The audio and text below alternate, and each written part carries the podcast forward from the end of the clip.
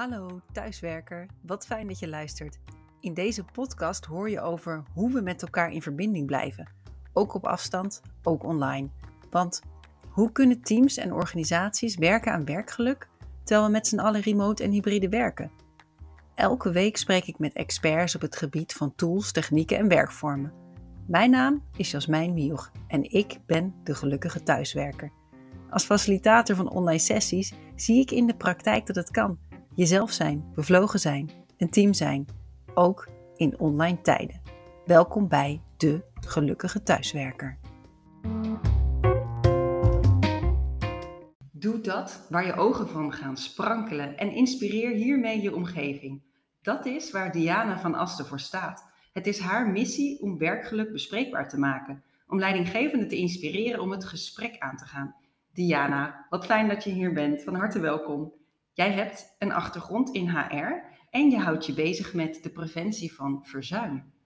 Wat hebben verzuim en werkgeluk met elkaar te maken? Hele goede vraag. En dankjewel dat ik hier uh, op deze podcast uh, mag aansluiten bij jou.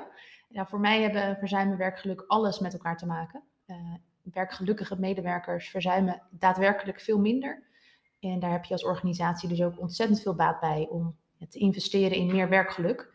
Om uiteindelijk ook het verzuimleed te voorkomen. Ja, want je noemt het nu ver, verzuimleed. Ik kan me voorstellen een beetje wat verzuim is. Dat is volgens mij dat mensen zich, werknemers zich ziek melden. Kan je, kan je daar iets meer over vertellen, hoe dat eruit kan zien? Ja, nou wat ik vaak, nou eigenlijk in de afgelopen 15 jaar als HR-manager heb gezien, is dat medewerkers zich ook ziek melden op het moment dat ze daadwerkelijk ongelukkig zijn in hun baan.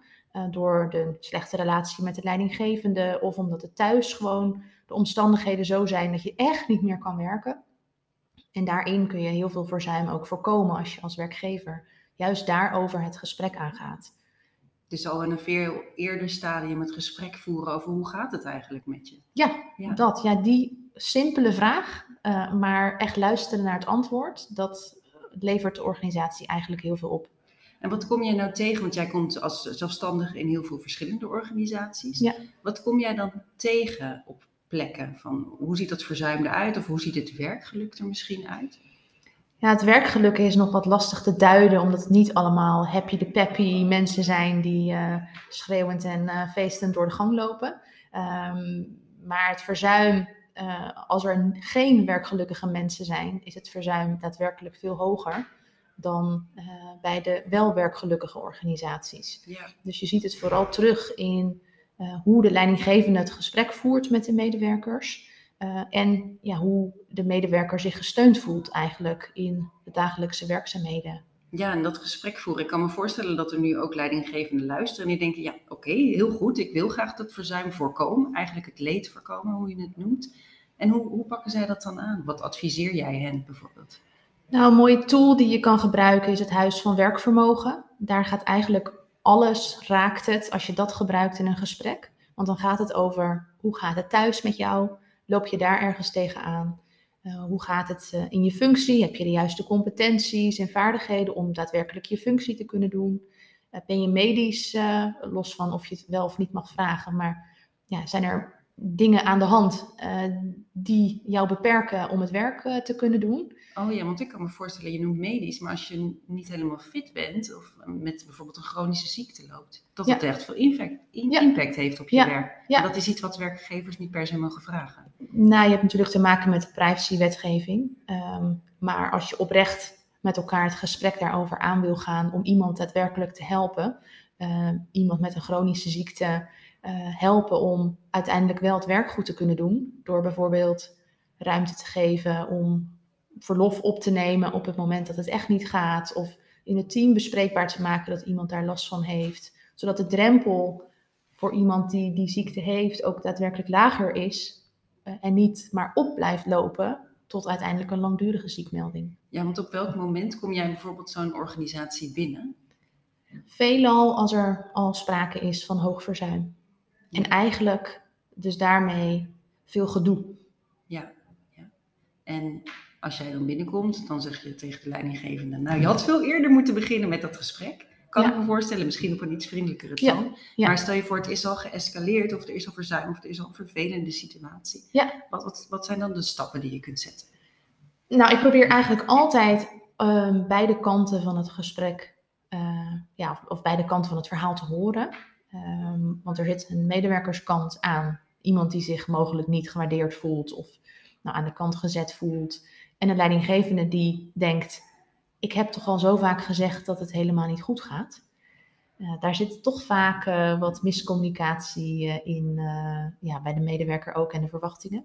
dus daarover het gesprek aangaan in overleg ook met een arbodienst, want die is er vaak bij betrokken, toch proberen het stukje medische verzuim op tafel te krijgen. Om te kijken in hoeverre is het daadwerkelijk sprake van medisch verzuim of zijn er andere dingen aan de hand. Niet omdat je iemand niet vertrouwt omdat hij zich heeft ziek gemeld, maar om te kijken wat kunnen we doen om er, ja, een sneller herstel van te maken. Zodat iemand weer ja, naar het werk kan. Ja. ja, we hebben het nu even over het leed, dus wat verzuimen heet. Ja. En ik vind het heel mooi dat jij die shift hebt gemaakt van, nou ja, jij komt normaal in situaties waar het leed er eigenlijk al is, waar een vervelende situatie is, zowel werkgever als werknemer ja, last heeft van het verzuim. Ehm, en ik vind het mooi dat jij nu die shift hebt gemaakt, die, die mindset naar laten we vooral in gaan zetten op preventie, zodat het niet zo uit de hand hoeft te lopen. Ja. En dat is de shift naar werkgeluk. En op jouw website staat het heel mooi omdat iedereen blij moet worden van werken. En uh, je zegt zelfs hier, wist je dat werkgelukkige medewerkers ongeveer 30% productiever zijn en 40% minder verzuimen? Dat zijn wel ontzettend gave cijfers. Ja. Hoe, hoe kom je aan die uh, getallen? Nou, ik doe op dit moment de werkgelukopleiding. Uh, ik kom voor mij allemaal samen. eigenlijk die 15 jaar HR-ervaring deed ik eigenlijk al dit. Het ik moet even zeggen voor de luisteraars. We hebben een heel serieus gehad, gesprek gehad over verzuimen. En jij vertelt, ik doe op dit moment de werkgeluk uh, opleiding. En je begint oh. te stralen. Ja, ja, ja. ja, daar word ik echt blij van. Echt heel mooi om te zien. Vertel verder. ja, zo. Uh, ja, ik, ik, ik vind het zo ontzettend belangrijk dat organisaties daar meer naar gaan kijken. Uh, zowel arbodiensten die bij het leed betrokken zijn, uh, maar werkgevers ook die het kunnen voorkomen. En die cijfers die komen uit diverse onderzoeken, uh, Gallup onder andere, die daar regelmatig onderzoek naar doet. Um, dus ja, het is geen soft begrip met feestende mensen in de gang waar ik net naar refereerde. Het gaat echt daadwerkelijk over het resultaat van je organisatie. Ja, die meer productiviteit, innovatie, creativiteit. Ja, ik ben zelf natuurlijk ook ontzettend uh, bezig met dit thema. En mijn podcast heet niet voor niks De Gelukkige Thuiswerker, omdat ik precies hetzelfde geloof als waar jij voor staat. Namelijk dat het geen uh, ja, iets is wat je erbij moet doen, maar wat een essentieel onderdeel zou moeten zijn van elke gezonde organisatie en bedrijf. Ja. Dus ik vind het heel mooi dat je hiermee bezig bent. En ik ben ook heel erg benieuwd. Jij zegt iedereen moet blij worden van werken. De criticaster zal zeggen, ja, niet iedereen is altijd blij met werk. En soms is het gewoon iets wat je moet. En niet altijd alles kan leuk zijn. Hoe kijk je daar tegenaan? Nou, niet alles kan altijd leuk zijn. Zo is het zeker ook. Ik uh, heb ook niet altijd alle onderdelen van mijn baan het meest leuke gevonden. Uh, maar ik heb het wel altijd zo ingericht dat ik vooral dat kon doen waar ik heel goed in ben. En de rest neem je dan een beetje voor lief of is in balans. Uh, omdat je het vooral kunt doen over dat waar je echt ja, de expert je de expert in voelt bijna. Ja. Ehm, en dat helpt heel erg om uiteindelijk de dag ook goed af te sluiten. Ja, de dag mooi beginnen en goed af te sluiten. Dat je echt iets hebt waarvoor je denkt, ja, hiervoor sta ik op. Naast natuurlijk je privé, je gezin. Ja. Uh, nou, ik heb, ik heb, een missie in het leven, zoals jij een missie hebt om goede gesprekken te laten voeren. Ja. Om dat verzuim eigenlijk zoveel mogelijk te voorkomen. Ja. En dat, dat de opleiding werkgelukdeskundige, daar maak je me wel nieuwsgierig. En ook omdat je er zelf zo blij van wordt. Wat, wat zijn de tools die je daar leert? Of de, de, wat, wat zijn de grootste weggevers? Nou, het is voor mij eigenlijk ook een bevestiging dat met wat, wat ik al deed, uh, vooral door moet gaan. Omdat ik er A, heel blij van word, maar ook, het, ook organisaties dus ook wat oplevert. Um, en ik dat ook belangrijk vind om dat in mijn werk, in, in mijn advies ook te kunnen inzetten. Uh, wat de belangrijkste weggever is, is ja, toch dat oprechte gesprek blijven voeren met elkaar. Zodat je weet waar iemand zijn knopje zit om gelukkig te worden. Uh, en vooral voor de medewerker zelf, uh, onderzoek dat knopje dan ook. En weet waar jij van aangaat. En maak dat ook bespreekbaar. Durf het bespreekbaar te maken. Want alleen jij hebt er last van. Vooral jij, als jij niet gelukkig bent in je werk. Ja, Ja, ik hoor je nu zeggen, het is inderdaad de verantwoordelijkheid van de werknemer om dat gesprek aan te gaan, om te onderzoeken wat wel of niet bij je past. Ja. En aan het begin hadden we het over, het is de verantwoordelijkheid van de werkgever, van de leidinggevende zelfs, om dat gesprek aan te gaan. Ja. Hoe kunnen nou leidinggevenden die misschien al jaren een team hebben en misschien al jaren op een bepaalde manier werken, toch opeens een andere stijl gaan inzetten? Ja, nou dat is denk ik ook lastig. Eh, ik denk dat je daar ook hulp bij nodig hebt om dat te kunnen bewerkstelligen. Maar het begint wat mij betreft bij het je kwetsbaar opstellen als leidinggevende en daarin ook te laten zien, hier ben ik goed in, maar hier heb ik hulp bij nodig. Zo heb ik mijn team ingericht. Uh, zo komt iedereen tot zijn recht en met elkaar daarover het gesprek aangaan. Het hoeven maar kleine stapjes te zijn om uiteindelijk dat werkgeluk te bevorderen in een team. En dat is niet, we gaan uh, iedere week met elkaar borrelen, want dan hebben we het zo gezellig. De, de pingpongtafel en de glijbaan in de hal, dat ja, soort dingen. Ja, dat is leuk, maar als je die gesprekken niet kan voeren, dan heeft dat totaal geen zin. Dus dat moet elkaar wel kunnen versterken. Ja. En uh, ja, uiteindelijk gaat het echt over dat gesprek aangaan. En als je zegt uh, je kwetsbaar opstellen als leidinggevende, bedoel je dan naar je medewerkers toe of naar je, hun eigen leidinggevende? Hoe, hoe, nou, in eerste nou instantie denk ik naar jezelf.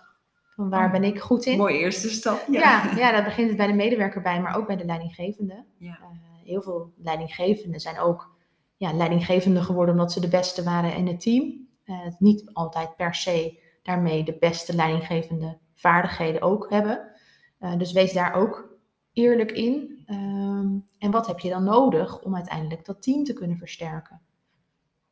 En wat, wat, hebben, wat is dan de volgende stap? Ze hebben eerlijk en kwetsbaar durven zijn naar zichzelf. Nou ja, ik kan me voorstellen dat dat al even duurt. Ja. Soms. Ja. Het ligt natuurlijk aan hoe ver iemand zelf is met persoonlijke ontwikkeling. En stel je voor, iemand heeft bijvoorbeeld een mooie opleiding gedaan of intervisie gehad. En denkt, ja, ik ben er nu zover dat ik mezelf recht in de ogen kan kijken. En kan zeggen, hier ben ik goed in, hier heb ik hulp bij nodig. De leidinggevende kent zichzelf. Wat is dan de volgende stap? Nou, de stap naar zijn of haar leidinggevende zetten. Uh, van zo zie ik het, dit is mijn plan. Um, dit verwacht ik nog nodig te hebben om mijn team ook zover te krijgen. En ook proberen te faciliteren dat de medewerkers uit dat team datzelfde proces doorgaan als wat jij dan hebt doorgemaakt. Ja, ja. en hoe, hoe zouden mensen die stappen kunnen gaan zetten? Heb je er altijd hulp van buitenaf nodig of kun je zelf aan de slag? Nou ja, ik zou zeggen, verdiep je eens in dat huis van werkvermogen. Dat, uh, en probeer dat uh, daar eens wat dingen uit te halen die je kunt stellen, of de vragen die je kunt stellen in een gesprek met de medewerker. Ja. Uh, het, ga, ja, het jaarlijkse beoordelingsgesprek uh, is daar zeker niet het juiste moment voor. Maar ja, de één op één gesprekken die je hopelijk regelmatig hebt, neem de tijd voor een wat meer verdiepend gesprek en laat even de werkinhoud achterwege. Maar vraag oprecht, hoe gaat het nu met jou en heb je hulp nodig? Waar kan ik je bij helpen? die vragen, die, en echt luisteren naar de vragen, maar ook daadwerkelijk dan ook acties inzetten op het moment dat iemand ook daadwerkelijk zegt, ja, ik wil graag coaching of noem het, uh, doen. Doe dat dan ook en Ja. laat dat niet liggen. Echt dus luisteren, goede vragen stellen, echt luisteren en doorpakken, actie Ja, ondernemen. ja. Dat is een mooie drie-stappenplan voor leidinggevenden die nu luisteren. Ik weet ook dat er best wel veel mensen uit de HR-sector luisteren naar deze podcast. En ik kan me voorstellen dat er voor die afdelingen HR binnen organisaties ook een taak ligt. Ja. Heb, geef je ook wel eens advies aan, aan, aan afdelingen HR of HR-adviseurs? Ja, dat wil ik ook na de zomer, nu ik de werkgelukopleiding eh, heb gedaan, ook wel wat meer gaan doen. Zodat zij ook die rol als ja, adviseur naar leidinggevende veel beter kunnen ja, invullen. eh, door dat werkgeluk te, ja, centraal te stellen. En eh, daarmee ook hun rol richting de arbodienst ook scherper te zetten. Want ja, je, moet vooral geen afwachtende houding aannemen op het moment dat iemand zich ziek heeft gemeld. Uiteraard even de, de griepjes en eh, de, de, het makkelijke verzuim, noem ik het maar even, duidelijke verzuim, daar gelaten. Ik zit zelf wat minder in verzuim. Ik kom uit HR, maar uit de Learning and Development hoek. Ik heb natuurlijk wel collega's gehad die zich daarmee bezig hielden. Maar er zijn verschillende typen verzuimen. Je raakt er al even aan. Je hebt de griepjes of ik eh, moet herstellen van een verkoudheid. Ja. Eh, maar daarnaast is er ook ander soort verzuim. Zijn er verschillende woorden voor? Of kun je me iets meer meenemen in hoe dat eruit kan zien? Nou, eigenlijk is het globale onderscheid kort of langdurig verzuim. Ehm, waarbij je vaak als HR-adviseur of leidinggevende wel weet, hmm, dit hebben we wel aanzien komen, dit wordt een langdurig verzuim. Eh, en wat ik heel vaak zie, is dat er dan wordt gewacht tot zes weken totdat iemand bij de bedrijfsarts komt. Dat is de termijn dat je je moet aanmelden. Ja, dat, dan moet je sowieso naar de bedrijfsarts. En er wordt dan een- vaak een hele afwachtende houding aangenomen in het begeleiden van het verzuim. Ik hoor ook wel eens van mensen die dan weken thuis zitten en niks horen van een werkgever. Ja, dan kun je dat gesprek al niet meer voeren met elkaar. Dus dat moet gelijk Ja. over dat wat er. Dus als Ja. iemand een week ziek is, even bellen. Ik weet, ik werk ook bij de Universiteit Leiden. Daar is het beleid dat als je je ziek meldt, mag je niet een bericht sturen, maar moet je bellen naar de leidinggevende. Ja, Zodat de leidinggevende ook meteen kan vragen van oké, hoe lang denk je dat het duurt? Hoe gaat het met je? Hoe erg is het? Nou, zelf ben ik gelukkig, even afkloppen, nooit ziek. Maar het is wel een mooie manier om meteen dat gesprek in gang te brengen, kan ik me voorstellen. ja, je moet contact houden. Zeker als iemand zich, ja, als die emmer echt helemaal vol is eh, en over is gelopen en dan dat tot een ziekmelding leidt. Of eh, een ziekmelding naar aanleiding van een slecht nieuwsgesprek. Eh, dat kan ook. Ja, Ja. daar, daar heb je allerlei. En slecht nieuwsgesprek bedoel je bijvoorbeeld een slechte beoordeling? Of... Ja, of een ehm, ontslaggesprek, dat er een reorganisatie komt. Eh, Ja. ja. dat zijn ook redenen om. eh, Dat mensen zich gewoon niet meer comfortabel voelen op de werkplek en zeggen: ik meld me ziek, Ja. dan blijf ik thuis. Ja. Ja. Ik heb zelf, ik, ik merk wel eens, eh, ik zie veel gevallen van werkdruk in mijn omgeving. mhm. Veel mensen die overbelast zijn, echt heel veel taken op hun bord hebben en ook soms in combinatie met privé gewoon zeggen: ja, ik loop inderdaad over, die Ja. emmer zit vol. Maar ze zijn nog niet ziek. Nee, Is er dan iets wat je als leidinggevende of HR-adviseur of misschien wel gewoon direct collega dan kunt doen? Of als medewerker zelf waar je dat gevoel hebt, maar die hebben het soms niet altijd Nee, door. dat had ik laatst ook. eh, ik gaf een workshop aan een groep leidinggevenden. Dan kwam dit ook naar voren. Wat kun je dan doen? Ja, En je ziet het eigenlijk misgaan. Je Ja. weet wanneer. ja, en ja, die medewerker zelf had dat toen ook niet in de gaten. Want die dacht, eh, nou, het gaat wel lekker. Ik ben eh, lekker bezig. Ik werk Ja. s'avonds nog lekker door en in het weekend werk ik nog door. En eh, ik heb mijn werk af. Maar goed, ja, privé ging dat natuurlijk ook helemaal niet goed. En ik gebruik eigenlijk vaak ook het voorbeeld van iemand die nou, een mantelzorger is, eh, vader of moeder van kinderen Ja. en fulltime werkt. Ja, in die drie combinatie weet je eigenlijk al van tevoren, dat Gaat gaat een keer niet goed. Ja, gaat niet lukken. Maar heel vaak wacht iedereen maar af totdat het een verzuim wordt. En dan ja, ben je gewoon al veel te laat. Want die medewerker, dat, dat herstel duurt ook veel langer. Omdat iemand ja, veel te lang Ja. eigenlijk te veel van zichzelf heeft gevraagd. En zeg je nou van er is een soort combinatie, zoals zelf een jong gezin hebben en hulpbehoevende ouders bijvoorbeeld en een hele fulltime baan. Dat is een recept voor werkdruk en overbelasting en verzuim. Ja, dat zou kunnen. Maar ook eh, dat een baan doen die niet past bij dat waar je goed in bent. Dat is Ja. ook een recept voor eh, een keer niet goed gaan. Ja, Eh. maar stel je voor je bent een leidinggevende, je hebt een werknemer die zit in die omschreven situatie. Ja. Is het dan eigenlijk het gesprek aan te gaan van, goh, zou je niet wat minder gaan Ja. werken? Of? Ja. Ja, ik heb dat in het verleden ook gedaan door iemand dan eh, kortdurend zorgverlof te geven. Ja. betaald voor een deel. En ook gezegd, ja, ga eerst dat, ga, ga zorgen voor diegene die, ja, die kwam dan ook te overlijden. Ja. Dat was toen ook al duidelijk. situaties, ja. Ja, maar ja, diegene had zoveel meer rust en kwam, ja, blij niet, want er was natuurlijk eh, iets ergs gebeurd. Maar met meer motivatie terug om uiteindelijk toch, ja, Ja. die loyaliteit, die, die groeit natuurlijk ook daarmee. Ja, En heel mooi. ja, we hebben gewoon uitgerekend ook heel plat. Ja, we kunnen erop wachten totdat iemand dan eh, gemiddeld met een burn-out zes maanden eh, in ieder geval thuis zit. Ja. Of drie maanden eh 70% van het loon doorbetalen. Ja. Met alle positieve gevolgen van dien. En dit vind ik wel een heel mooi en inspirerend voorbeeld, eh, Diana. Want het laat gewoon zien, het, is, het zijn natuurlijk allemaal mensen, maar als je echt kijkt naar de behoeften van de mensen, wat zij nodig hebben, dan komen ze gewoon gemotiveerder terug. In Ja. plaats van dat ze nog zes maanden met een burn-out Ja. thuis zitten. Ja. Dat vind ik echt een heel mooi, inspirerend voorbeeld. Ik moet zelf aan denken, ik heb zelf twee jonge, of nou ja, niet meer zo heel jonge kinderen, maar ik kan me wel goed de zwangerschap herinneren en hoe fijn het was dat ik echt verlof kreeg en dat ik daar verlof achteraan kon. En toen ik weer begon met werken, dat ik eh, maandagochtend extra vrij kreeg en woensdagmiddag extra vrij voor een paar maanden. Ja. Dat kon ik gewoon allemaal inplannen en bespreken met mijn werkgever toen. En dat gaf ook zoveel rust om aan het gezinsleven te wennen. En toch, als je dan wel op werk bent, heerlijk te genieten van Ja. je cappuccino en je collega's. Ja, ja. En het werken met je andere rol. Zeg maar. Ja. Dus ik vind het echt heel inspirerend om te kijken naar wat er wel mogelijk is. En niet meteen in de spagaat schieten van, oeh, dat kost geld. Nee, en geld kost het sowieso, want je hebt een medewerker op de loonlijst. Dus daar moet je ook voor, goed voor zorgen. Los van dat diegene ook iets moet opleveren, uiteraard. Want ja, je werkt ook om iets eh, voor elkaar te krijgen. Maar ja, zulke soort beslissingen eh, ja, en, en aanpassingen doen op die behoeften, ehm, ja, dat levert op de lange termijn veel meer op. Nou, dit vraagt ook wel lef, want ik had het net, ik vroeg net aan je, wat kunnen HR-adviseurs doen? Ja.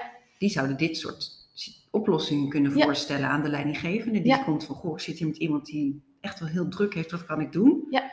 En zo'n adviseur kan zeggen, nou, verleen bijvoorbeeld deels betaald verlof. Ja. Maar dat is best wel een moedige stap, denk ik. Of zie jij al dat dat vaak gebeurt? Dat het advies wordt overgenomen of dat... Ik zie eigenlijk nog niet zo vaak dat dat gebeurt. Ehm, en dat vind ik jammer, want er kan gewoon heel veel voorkomen worden daarmee. Ja, Eh, als je op tijd interventies inzet, en dat kan zijn doorbetalen van het loon voor x bedrag. eh, of een coachgesprek, of gesprekken met een psycholoog. Of, ja. nou ja, Het is eigenlijk even investeren. Het is, het is net als met investeren. Je investeert en het betaalt zich uiteindelijk terug in en gelukkigere, productievere Ja. medewerkers en minder verzuimkosten. Ja. Ja. Dus het is win-win. Ja. Als je maar even die, dat lef hebt om Ja. te investeren. Ja, ja en, de, en de werkgelukkige medewerker is natuurlijk niet typisch degene die hoge werkdruk heeft en mantelzorger is. Ehm, Ja. maar uiteindelijk moet het daar wel om gaan. Hoe zorgen we ervoor dat diegene fijn naar het werk gaat en eh, met alle ja, dingen daaromheen zijn werk goed kan doen? ja. Ik hoor ondertussen iets heel hard geboren op de achtergrond. Hoor jij het ook? Ja. nou, ik hoop dat de luisteraar het niet hoort. We zitten hier in de binnenstad van Leiden. Dus met het kerkgebeier en het geklus. We hebben het gehad over werkgeluk en verzuim, jouw thema's. En wat ik zo leuk vind, wij kennen elkaar ook via LinkedIn onder andere. En via, we kwamen net achter een workshop werkgeluk. Dus niet eh, geheel toevallig dat we het daar nu over hebben. En ik vond het zo leuk dat jij van de week postte, ik heb geen 9 tot 5 mentaliteit. Jij vertelde me net dat heel veel mensen het interessant vonden en heel veel reacties op kwamen. Ja. Als jij zegt, ik heb geen 9 tot 5 mentaliteit, wat bedoel je daar dan mee? Nou, ik zei het net al even, mijn hoofd staat altijd aan. Dus ik ben niet aan van 9 tot 5. Ik eh, ben steeds bezig met wat kan ik doen om of mezelf te verbeteren of iets met mijn bedrijf. Maar dat heb ik hiervoor in loondienst ook altijd al gehad. Ik ben nooit klaar op de een of andere manier. Dus een 24-7 mentaliteit. ja, nou misschien wel. Ja. Dat klinkt ook wel als een recept voor burn-out. Ja. Nou, die heb ik ook gehad. Dus eh, ik heb ervan geleerd.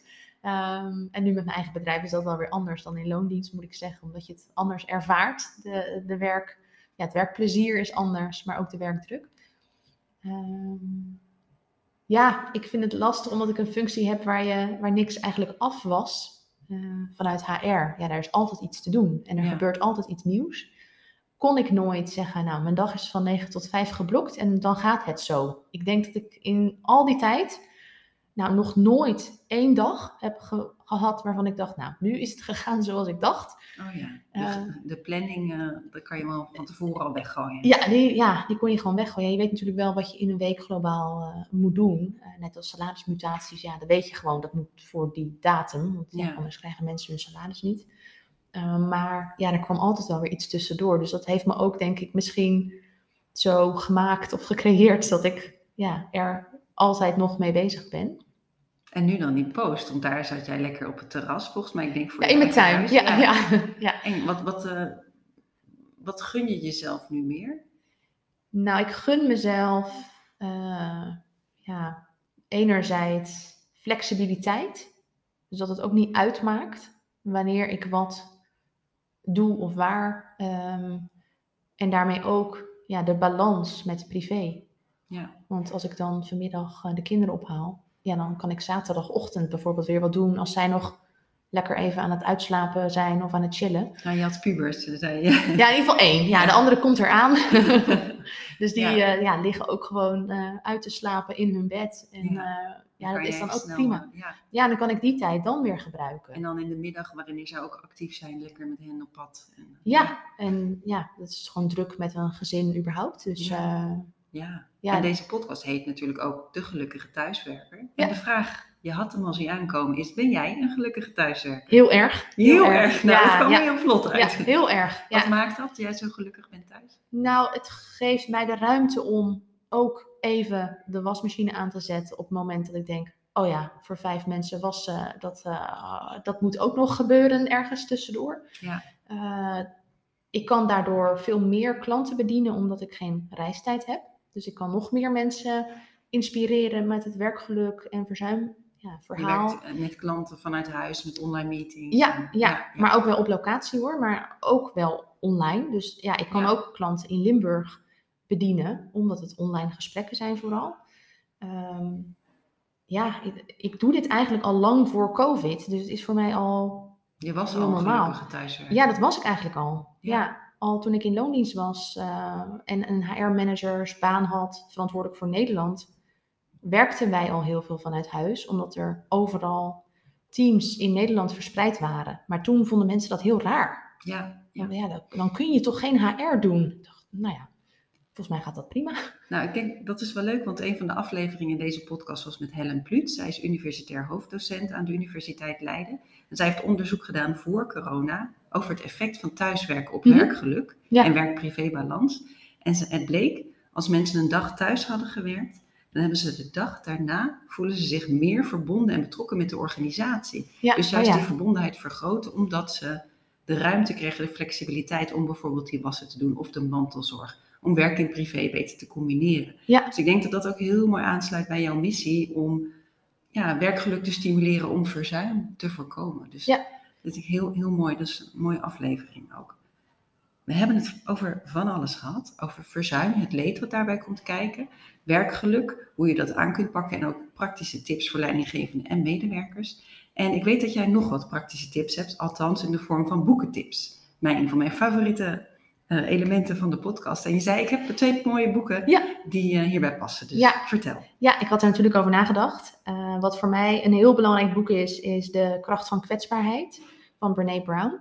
Oh ja, heel mooi. Die ken ik ook. Ja, vertel wat maakt ja, dat is voor mij, komt dat stukje kwetsbaarheid, nou we hadden het er net al even over, is voor mij super belangrijk om dat ehm, ja, te kunnen bewerkstelligen in een organisatie. Als je dat kan, dan hoef je het helemaal niet te hebben over werkgeluk of verzuim. Dan heeft het geen naam nodig. Dan gaat het al vanzelf. Prachtig, ja. Dus als iedereen eerlijk durft te zijn. Ja, alsjeblieft. Ja, En ja. fouten durft toe te geven, zodat Ja. je daar weer samen van kan leren. Ja, ja, en vooral die eerlijkheid. Echt durven zeggen wat je nodig hebt. Of als iets niet meer past. Daar alsjeblieft eerlijk over zijn. Dan krijg je zo, daar krijg je zoveel meer mee gedaan dan maar afwachten totdat iemand eh, nou, weggaat door hem weg te pesten. Of, ja, of, Ja. of iemand gaat alsnog verzuimen. Ja, dat is gewoon verzuim wat je zelf veroorzaakt. En dat Ja. is helemaal niet nodig. Mooie titel ook, over kwetsbaarheid. Je had een tweede. Ja, ik had nog een tweede. Eh, de vijf frustraties van teamwork van Patrick Lencioni. Nou, die klinkt al, eh, die, ik, dat, dat gaan we even bijpakken. Ja, ja, die vind ik ook echt een must-read voor leidinggevenden. Omdat het daar heel erg gaat over als er geen vertrouwen is, is er ook geen resultaat. En dat heb ik ook al zo vaak in de praktijk meegemaakt, dat dat er niet is. En iedereen maar om elkaar heen staat te dansen en zegt, eh, we vinden elkaar zo leuk. En dat blijkt onderhuids, onder stroom. Ja, die Ja. onderstroom wordt niet besproken. En daar komt voor mij dus dat eerlijke thema ook weer terug. Eh, durf je uit te spreken over dat wat je dwars zit. En daar heb je ook die kwetsbaarheid voor nodig. Dus wat mij betreft zijn die twee boeken echt een must-read voor leidinggevende en HR-professionals. eh, om verder te komen in hun werk. Nou, we zitten hier allebei te stralen van blijdschap, omdat we volgens mij een prachtig gesprek hebben gehad. Dankjewel Diana van Asten. En dit kunnen we echt de mensen meegeven. Durf kwetsbaar te zijn, durf open te zijn. En ja, zo kom je tot mooiere, mooiere samenwerkingen bij bedrijven en organisaties. Dankjewel Diana voor dit prachtige gesprek. Graag gedaan. tot de volgende keer. Dankjewel voor het luisteren naar De Gelukkige Thuiswerker. Heb jij zelf tools en tips die iedereen moet kennen? Laat het me weten. Of heb je een prachtig praktijkvoorbeeld? Bel me dan gerust. Vond je deze podcast de moeite van het luisteren waard? Laat dan een review achter en deel de podcast in je netwerk of op social media. Veel geluk iedereen!